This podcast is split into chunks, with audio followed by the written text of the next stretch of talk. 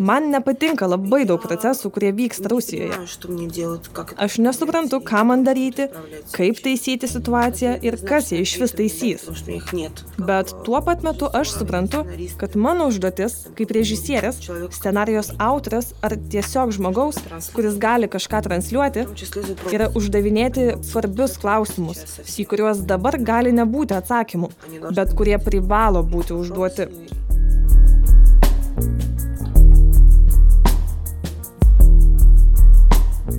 Su jumis Karolis Višniauskas iš Nanuk, jūs klausotės Nailo podcast'o. Šiandien girdėsite susitikimą su šio laikinio Rusijos kino scenariste ir režisierė Natalija Meščeninova.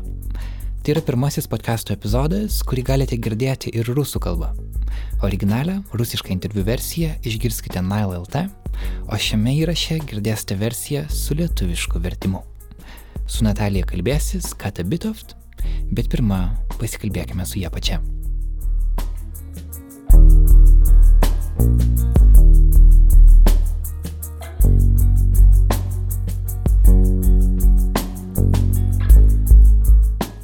Kata, tai bus pirmas tavo renktas podcast'o epizodas, kur tu pati buvai atsakinga už interviu, už turinį, už pačią podcast'o epizodo idėją. Tai bus epizodas su rusų kino scenaristė Natalija Mešeninova, kuri buvo atvykusi į šių metų kino pavasarį. Kodėl Natalija sužavėjo tave taip, kad tu metei kitus darbus ir norėjai su jais sutikti savo pirmajam gyvenime interviu, tu nebuvai niekada jiems interviu iš nieko anksčiau.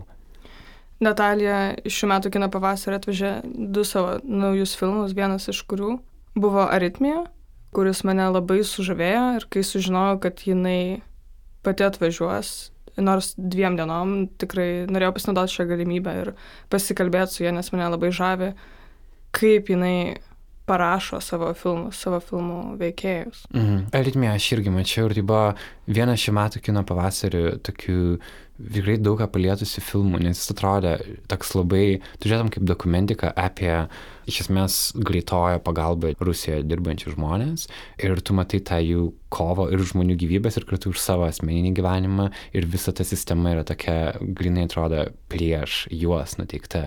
Labai toksai skaudus filmas, bet ir vietam jokingas ir toks labai artimas širdžiai atrodė. Man tokie įspūdžiai buvo. Tau irgi kažkaip labai palėtė asmeniškai galbūt? Taip, man jis atrodė labai relatable Ir nors aš nieka, nieko nežinau apie greitosios pagalbos e, darbą, esu mačius kitą autorinį kiną apie Rusijos visuomenę, kuris dažniausiai jos parodo kaip ten geriančius, turinčius daug problemų, neturinčius darbo. O šitas filmas kažkaip labai kaip tarsi ir išteisina tos veikėjus, nes jis parodo jų asmeninį gyvenimą, kuriame jie irgi turi problemų ir jis kažkaip labai gerai subalansuoja tarp kažkokio socialinio komentaro, kuris parodomas tarsi ir per šeimos prizmę, surastas balansas, kuris padaro jį relatable. Paklausykim šiek tiek trailerio filmo Аритмия. Я умираю, ты что, не видишь, что ли? Рот закрой свой. Вот так. Кто там на кухне лежит? Каунгаянда. Из травмы. Ну вообще. Успокойся, Кать, ну успокойся, блин! Олег, ты не трогай меня! Ой, Володя, ну ты что? Твари! Твари! Суки! Хотите яркий пример человеческого фактора? Вот он. Распущенный врач. Ir šitas filmas buvo be galo gerai vertintas Rusijoje. Ar jis tiesiog jis buvo nominuotas 28 nominacijoms pagrindinėse Rusijos kino apdovanojimuose, kino tauras, beročiai vadinasi? Jis gavo 28 nominacijas kino taurą kas yra vienas iš prestižiškiausių kino apdovanojimų Rusijoje, kuris laimėjo Grand Prix ir žiūrovų simpatijų prizą. Ir taip pat jis laimėjo septynius apdav Nika apdovanojimus, kurie yra irgi vieni vertingiausių kino apdovanojimų Rusijoje. Ir tai galim sakyti, kad Natalija yra viena tokių svarbiausių Rusijos šiandienos scenaryšių, būt, nes ji nėra režisierė, nerašo scenarius. Jinai yra ir režisierė, nes 2014 e, metais A, taip, taip. jinai prezentavo savo debiutinį kaip režisierius filmą Kino pavasarį, už kurį jinai irgi laimėjo pagrindinį prizą Baltijos žvilgsnėje. bet pagrindė jinai rašo scenarius ir jinai dirba su garsiausiais Rusijos režisieriais, būtent autorinio kino, bet taip pat jinai rašo ir scenarius. Kuriais režisieriais? Fe- Fedorčenko berods? Fedorčenko ir Chlebnikovas. A, tas filmas, kuris 14 metais laimėjo kino pavasarį, jis vadinasi Kombinatas. Viltis, kombinatas Viltis. Aha. Ir jis pasakoja apie gyvenimą Narilskė. Narilskas yra vienas tolimesnių miestų Rusijoje, kur nėra jokių kelių, ten galima tik nuskristi ir žiemą iš ten iš viso neįmanoma išvykti, jeigu yra blogas oras. Ir e, tas miestas yra savotiš, e, savotiški spastai, bet kas labai įdomu, kad tame mieste yra labai milžiniškas lygis patriotizmo ir nacionalizmo, nors reikalai ten nekokie. Ir jinai nuskrido ten būtent e, nagrinėti tą tokią temą. Tai yra dokumentinis filmas? Natalija ateina iš dokumentinio filmo pasaulio. Jinai pradėjo savo karjerą kaip dokumentinio filmo režisierė ir scenaristė. Ir jinai naudoja vaidybiniuose filmuose visas tas technikas. Todėl jis atrodo labai raw ir labai tikras. Ten jokios nėra cenzūros. Nes kai jinai rašo scenarius, jinai nusinčia asistentę į, į, pavyzdžiui, tą profesiją ar į tą vietą ir jinai įrašinėja tikrus žmonės ir tada inkorporuoja tą kalbą į savo filmus, dėl to jie atrodo labai tikroviški. Klausimas apie kalbos reguliavimą, tas, nuo kurio jūs pradėjote interviu, nes Rusijoje yra įstatymas draudžiantis kine, viešai rodomame kine, naudoti keiksmažodžius. Tas Taip. man buvo naujiena. Ir, pavyzdžiui, kombinato filmas, jis yra pilnas keiksmažodžių. Junkim šiek tiek trailerio žmonėm, kurie nenori išgirsti keiksmažodžių, prasukit minutę į priekį. Может быть, ты приедешь в Норильск? Норильск? Да ну, блин, ну нафиг. Займи у кого-нибудь. Кого? Ну, На работе у кого-нибудь, у пацанов займи. Партнер постоянный?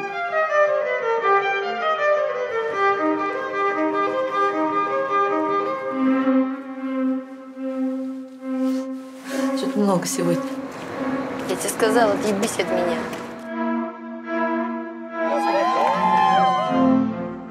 Я гнить буду в этом блядском Норильске. Ну что, ты как вообще? Свет, Ты сначала сперва училище закончи, получи профессию, заработай стаж.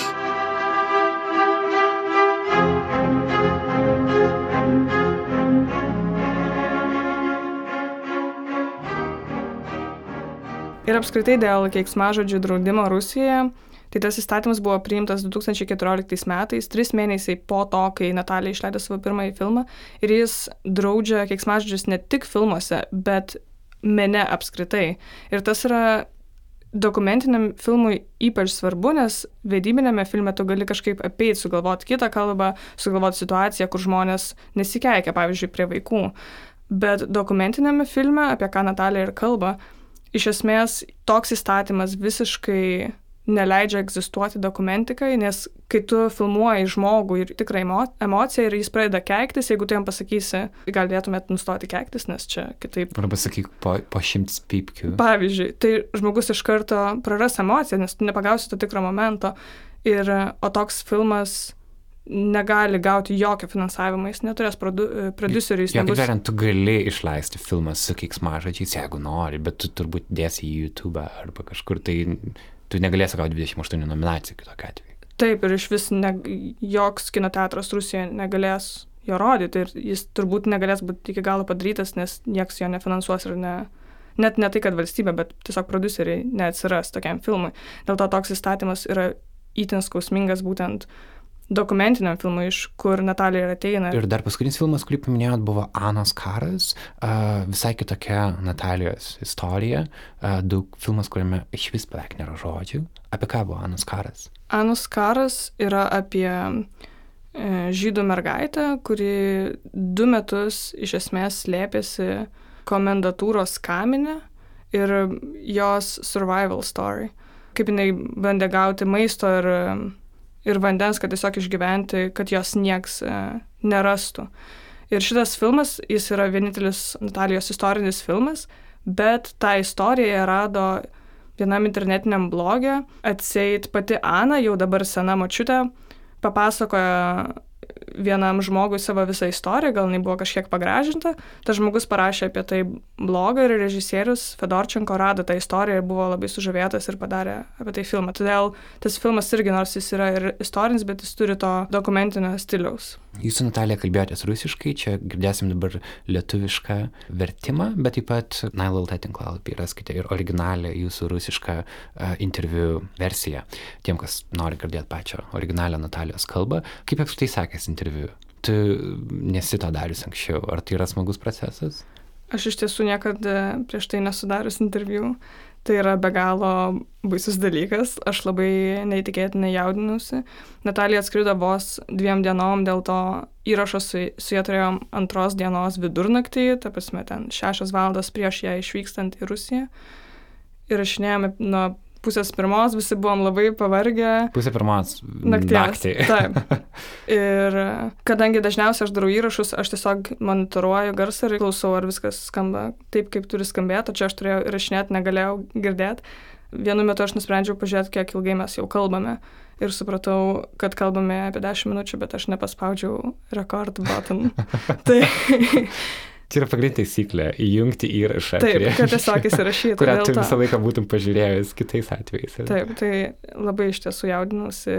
Ir... Aš manau, pavyko puikiai. Ir Natalija tikrai, aš dabar keista žmonėm duoti interviu su pašnekovė ir tarsi neturėti galimybės jas filmų pamatyti dabar, nežinau, kur Lietuvoje jas galima legaliai pažiūrėti, bet kino pavasaris, jinai grįš į kino pavasarį ir aš tikiu, kad ateity gali būti jos filmų retrospektyva arba dar kažkas, kad jos vardas Lietuvoje vis suksis, jo kad jinai pati Lietuvoje, vil, nujoje Vilniuje dirba prie savo naujo filmo, ar ne? Gal dar apie tai šiek tiek papasakoti. Kitais metais jinai žada grįžti į kino pavasarį su savo naujų filmų, kaip režisierius jau, ir garsą jinai tam filmui daro naujoje Vilniuje su vaikinais, kurie darė jai garsą filmui Kombinatas Viltis filmas, kuris ateis kitais metais, jis yra koprodukuotas lietuvių, nes kitaip tie vaikinai negalėtų prisidėti prie filmo. Tai jinai specialiai paprašė savo producerių, kad jie įtrauktų į Lietuvą į koprodukciją filmo.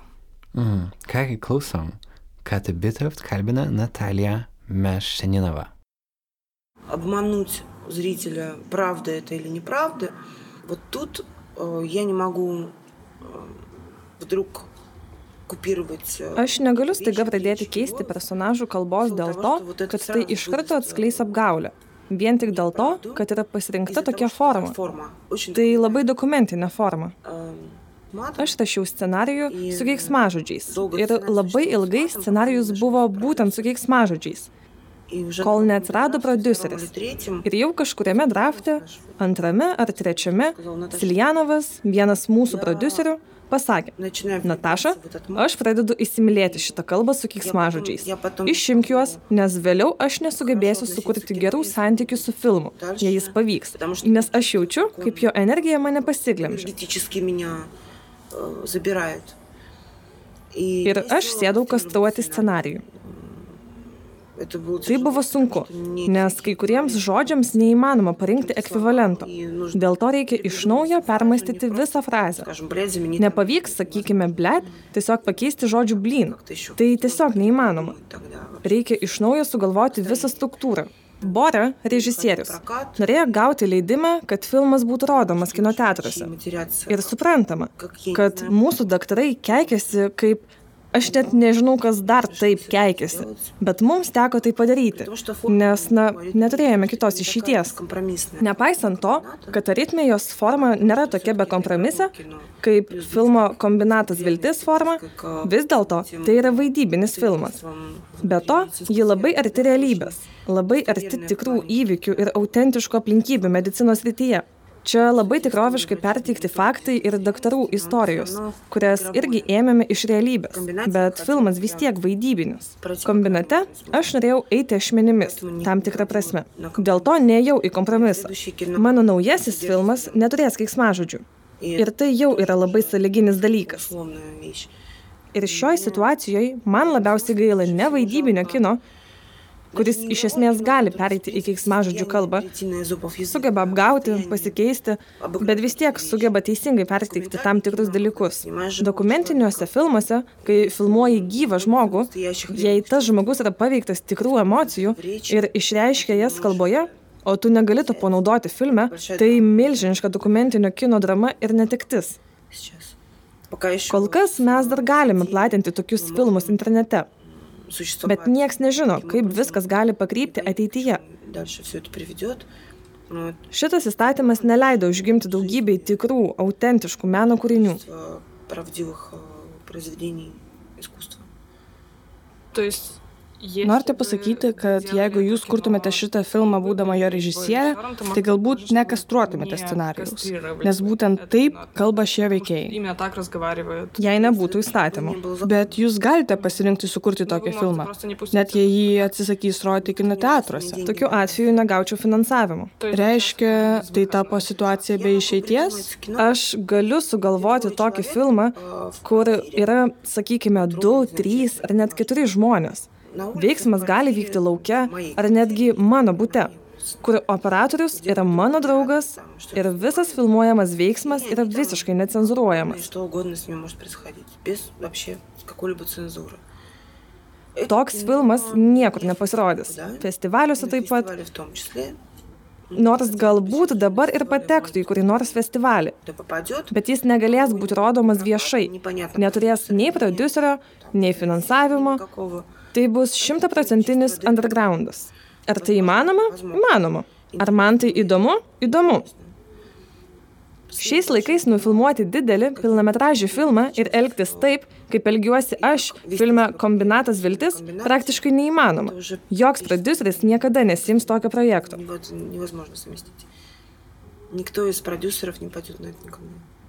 Viename interviu jūs minėjote, kad kraustytis Europą jums irgi nėra išeitis, nes apie ją jūs nieko nežinote. Ir jums nepavyktų kurti tokio tikroviško, autentiško kino, kokį jūs galite kurti Rusijoje, kurios aplinka ir realijos jums yra pažįstamos kur kas geriau. Bet, sakykime, Aritmija yra visiškai prieinamas filmas. Žmonės čia gali lengvai su juo tapatintis. Ar taip yra todėl, kad šis filmas pavaizduoja kažkokias universales tiesas ir veikėjus? Ar taip yra dėl to, kad čia yra rytų Europa ir mums ši kultūra nėra tokia tolima ir nepažįstama, kaip galėtų atrodyti.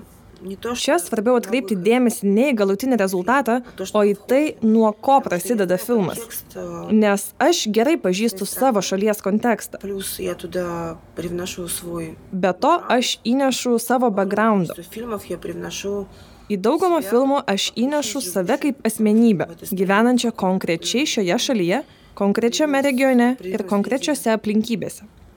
И на выходе получается там всем понятно. Taip, rezultatas gali būti suprantamas visiems, bet jūs neįsivaizduojate, kiek daug pirminių detalių, nuo kurių prasideda filmas, yra susijusių būtent su Rusija ir tuo, kas man labiausiai suprantama. Maža to, aš manau, kad man nepatinka labai daug procesų, kurie vyksta Rusijoje. Aš nesuprantu, ką man daryti, kaip taisyti situaciją ir kas ją iš vis taisys. Bet tuo pat metu aš suprantu, kad mano užduotis, kaip režisierės, scenarijos autorės ar tiesiog žmogaus, kuris gali kažką transliuoti, yra uždavinėti kažkokius svarbius klausimus, į kuriuos dabar gali nebūti atsakymų bet kurie privalo būti užduoti. Ir mano užduotis yra ir toliau kurti autorinį kiną tiek, kiek man leidžia aplinkybės. Ar tai reiškia, kad jūsų darbai atneša naudos ne tik jums kaip kuriejai, bet turi ir didesnę socialinę vertę? Aš nežinau, nesu socialinis darbuotojas. Tai yra visai kita profesija. Aš nebandau ištemti visuomenės iš duobės ar nedobės. Aš suprantu, kad mano tam tikra vidinė užduotis kuri visiškai nėra socialinė ar visuomeninė, o asmeninė, vidinė. Yra stebėti, reflektuoti, interpretuoti, kurti tai, kas vyksta čia ir dabar. Nes ne vienas mano filmas nėra istorinis ar utopinis. Jie visi labai šiuolaikiniai. Ir visi šie filmai, nesvarbu, ar tai maža asmeninė istorija, ar istorijos atspindinčios didelės socialinės problemas, jos vis tiek atspindi dabartinį mano šalies laikotarpį здесь сейчас, ну, ну, как бы моей страны. Я не собираюсь бросаться громкими словами по... Aš tikrai nesirašiu mėtytis garsiais šūkiais apie patriotizmą, Kadangi dabartinių įvykių kontekste man šis žodis yra labiau negatyvus, nesinori prie jo prisirišti. Man jis įgavo kažkokį pelėsių atspalvį. Bet be povyzos galiu pasakyti, kad mano išvykimas iš šalies veikiausiai atimtų labai daug iš manęs pačios ir iš mano planų kurti. Tam tikri dalykai negalės užgimti manyje, jei aš išvyksiu. Netgi tas pats įniršis, kuris mane plėšo iš vidaus, įniršis, kurį aš išgyvenu šiandien dėl įvykių Kemerove, atneša savo protrukį, pavirsta kažkuo labai svarbiu, kai, kai tu tai permastai. Gimsta kažkas, ką vėliau gali išgyvendinti ir papasakoti kažkam. Kaip paaiškėjo, galima nesitikėti jokio pasisekimo, kurį staiga gauni ir tampa aišku, kad visi jaučia tą patį, galvoja ir mato taip pat. Tu to nesiekiai, o staiga atsiranda. Reiškia, tai visiems pradeda rūpėti. Visi pradeda apie tai kalbėti, pradeda veikti. Meno tikslas nėra auklėti, šviesti ar skatinti mitingus. Tai emocijos rytis. Tu jauti kažką, kai žiūri filmą ar į paveikslus, arba ne. Jei kažką pajutai, įmanoma, kad kažkas tavyje pasikeitė. Arba paskatino kažką daryti, arba pasikalbėti su kuo nors. Ir čia slypi kaip mažas, taip ir didelis meno vaidmuo. Menui negalima priskirti kitų užduočių, tokių kaip auklėjimas. Menas neteka moralės rovėmis. Tai kitokia upė, jausmų upė. Būtent dėl to jis mus taip kabina, jaudina ir suteikia mums galimybę pasijausti žmonėmis, kurie gyvena.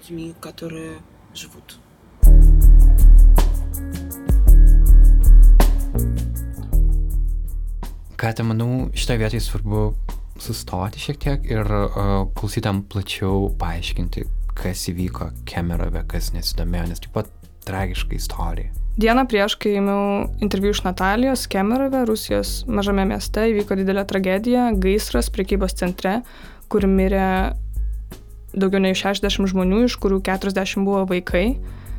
Ir nesuveikė signalizacijos, nesuveikė kažkokia apsaugos sistema. Ir Tragedija, aišku, yra dėl to, kad mirė daug žmonių, bet ir dėl to, kad pagal neoficialius duomenis mirė daug daugiau žmonių negu 60 ir po šitos tragedijos įvyko masiniai protestai skirtingose Rusijos miestuose, kad būtų nuteisti tie žmonės, kurie yra atsakingi. Ir valstybė tai nelabai atsakė ir pasakė, kad maždaug žmonės, kurie protestuoja, yra tiesiog antikremlius, antiputinas ir čia tokia tiesiog opozicija bando kažką pasinaudoti tokią tragediją ir um, iš žmonių tragedijos pasidarė kažkokia tokia populistinė, Na, politinė, politinė kova. kova, kas yra skaudu, aš įsivaizduoju labai pačiai Natalijai irgi.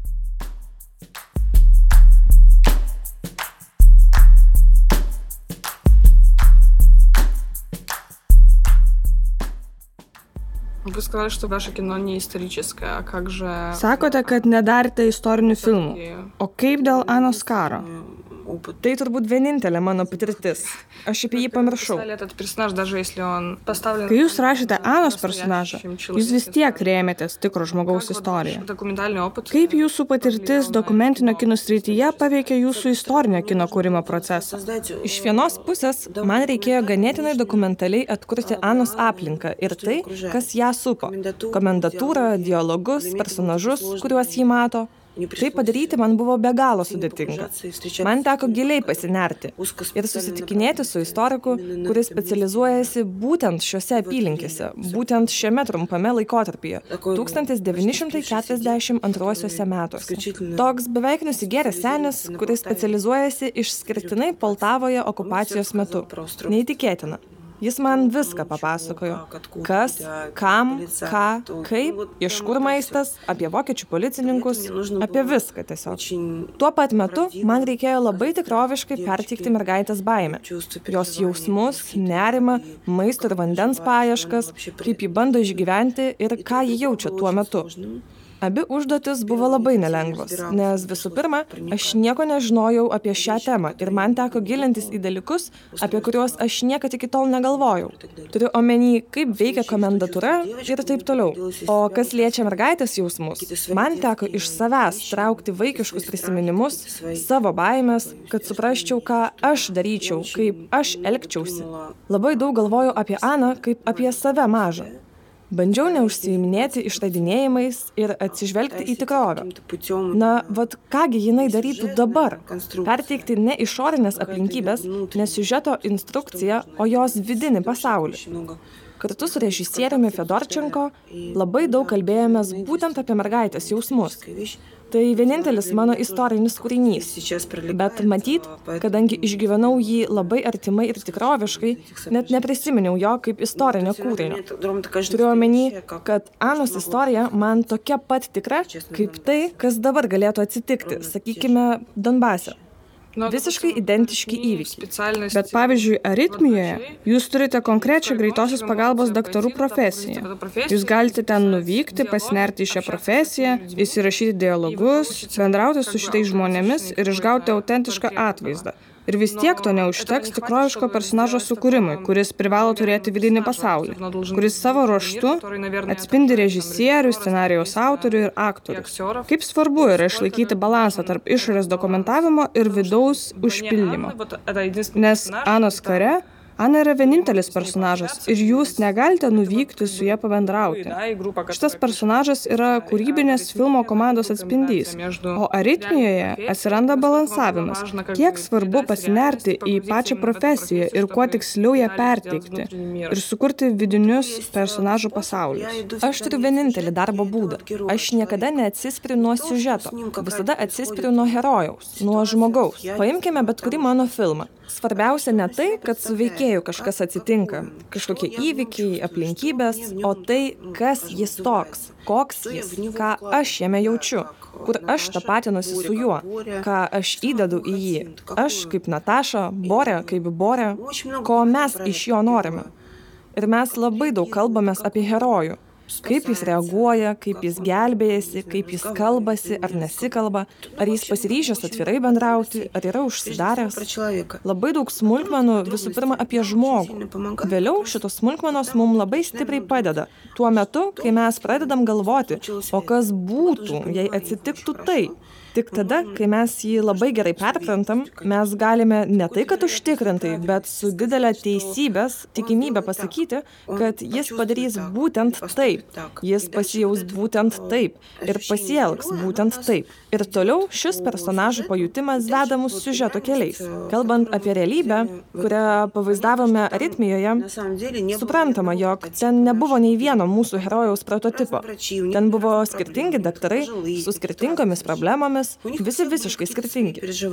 Kiekvienas turėjo kažkokių savo asmeninių išgyvenimų, kažkokių profesionalių netekčių, fiasko ar pasisekimų, ar dar ko.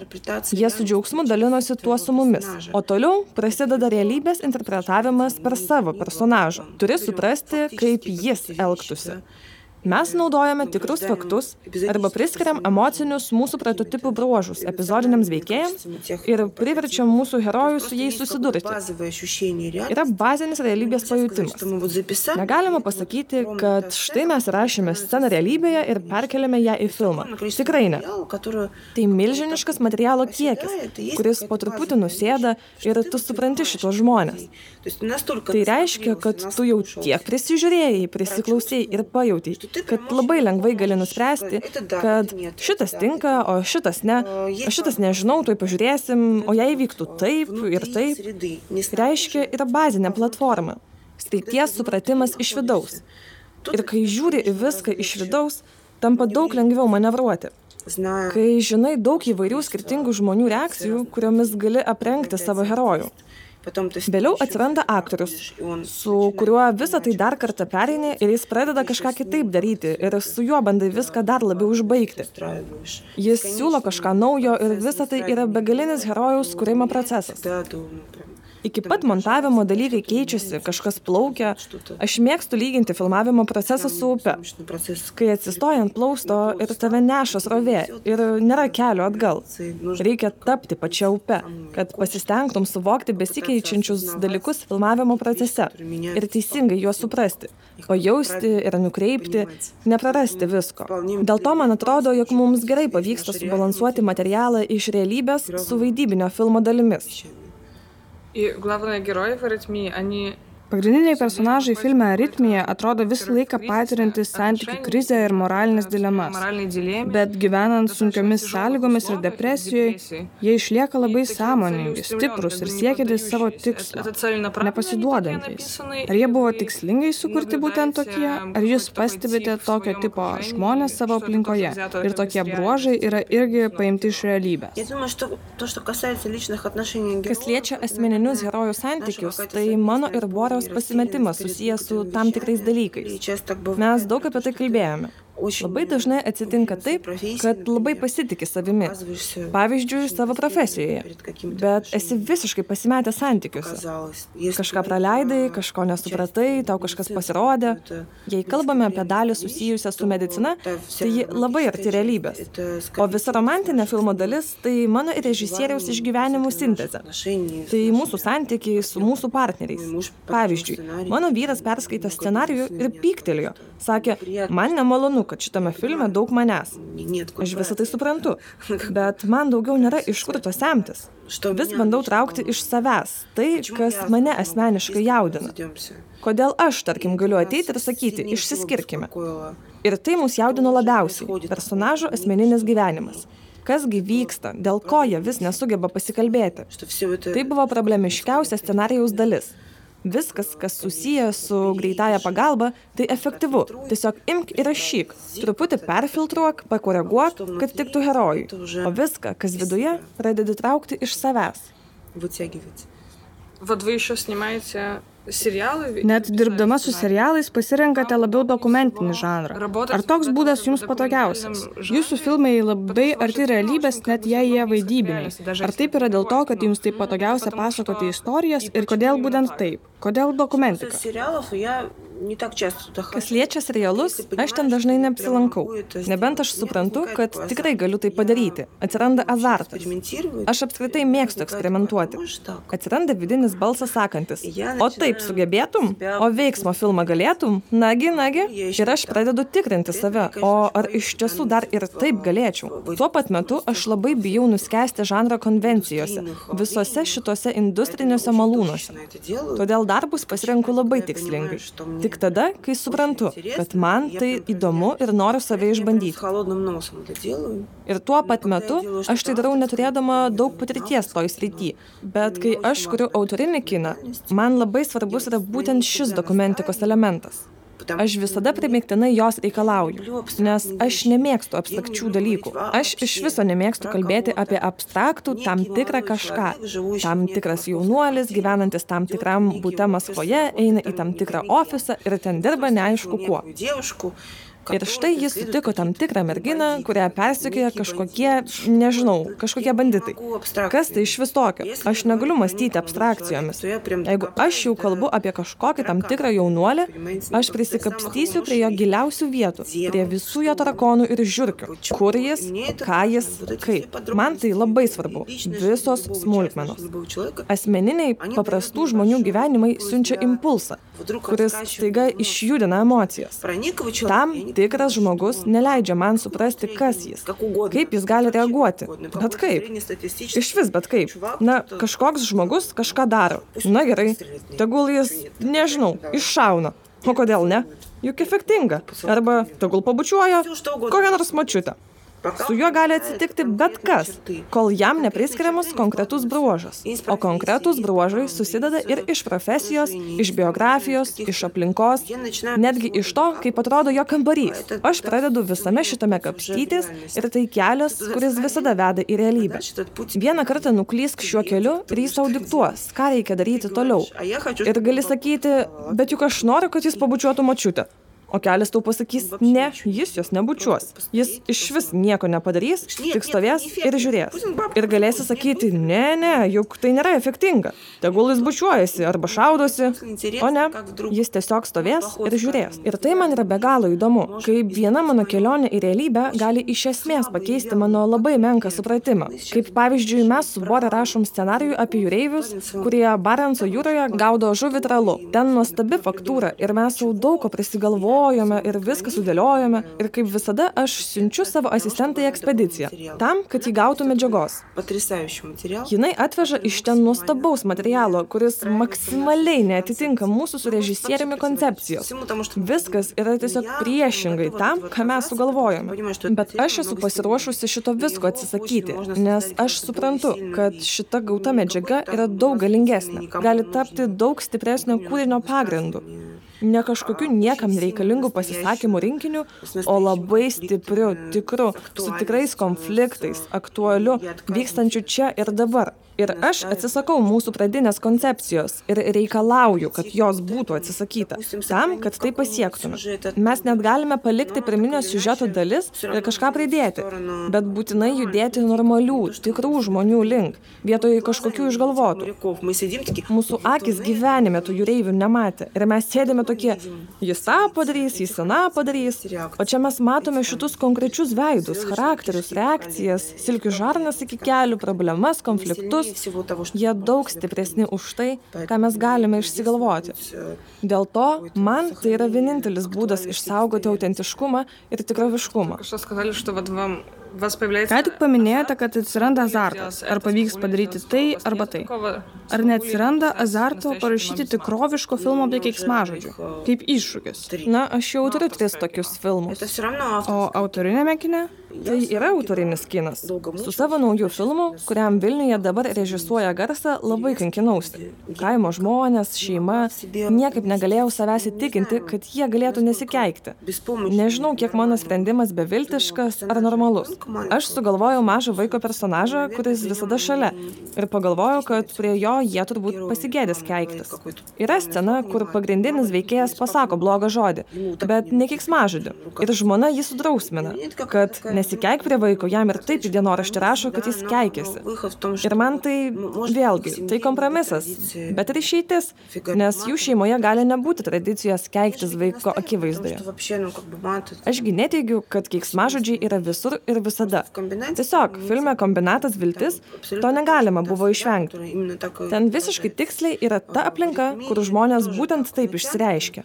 Aritmijoje jau pritamta bet vis dar įmanoma įsivaizduoti, kad taip iš tiesų gali būti.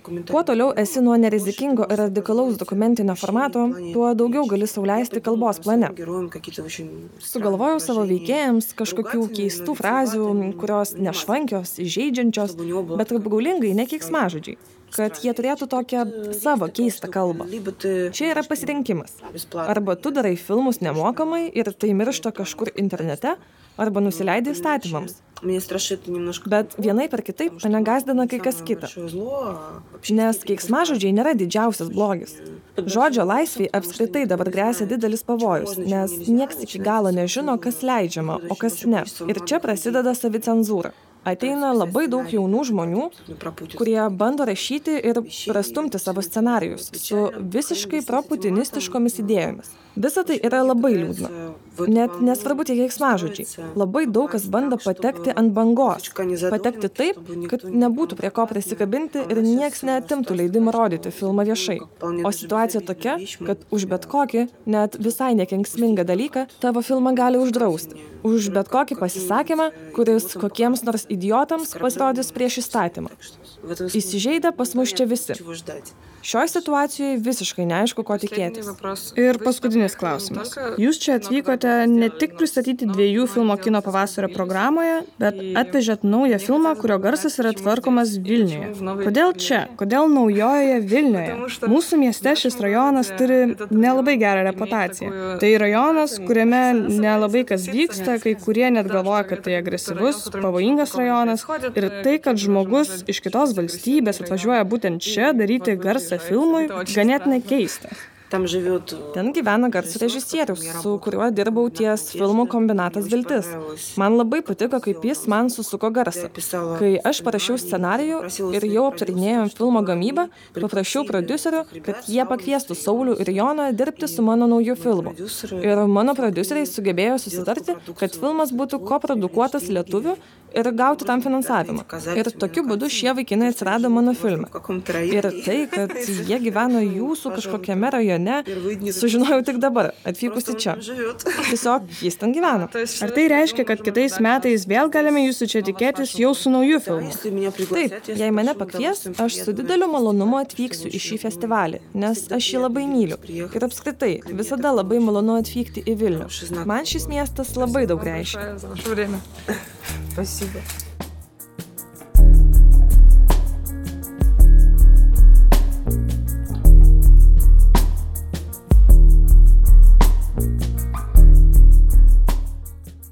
kino scenariste ir režisierė Natalija Mešininova kalbėjosi Kata Bitoft.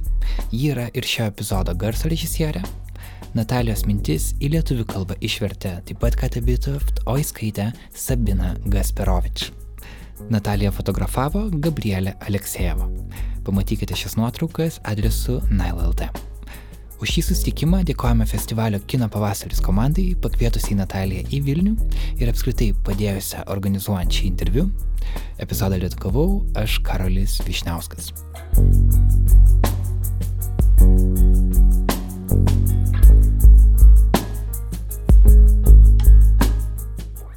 Tai yra pirmasis podcast'o epizodas, kurį galite girdėti ir rusų kalba.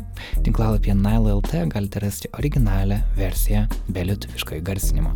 Jeigu ieškote daugiau rusiško turinio iš Nanuk pusės, labai rekomenduojame kolegos Artūro Morozovo projektą pavadinimu Kol dega raudona. Jis surinko 11 skirtingų istorijų iš rusų disidentų, iš rusų politinių pabėgėlių, kurie rado prieglobstį Lietuvoje, bet kurie pasakoja apie tai, kaip jiems sekasi būti šio laikinė Rusija oponuojant dabartiniam Kremliaus režimui. Dar kartą, kol dega raudonai yra projekto pavadinimas, jį raskite adresu nanukelte. Jis taip pat yra ir lietuvių, ir anglų kalbomis.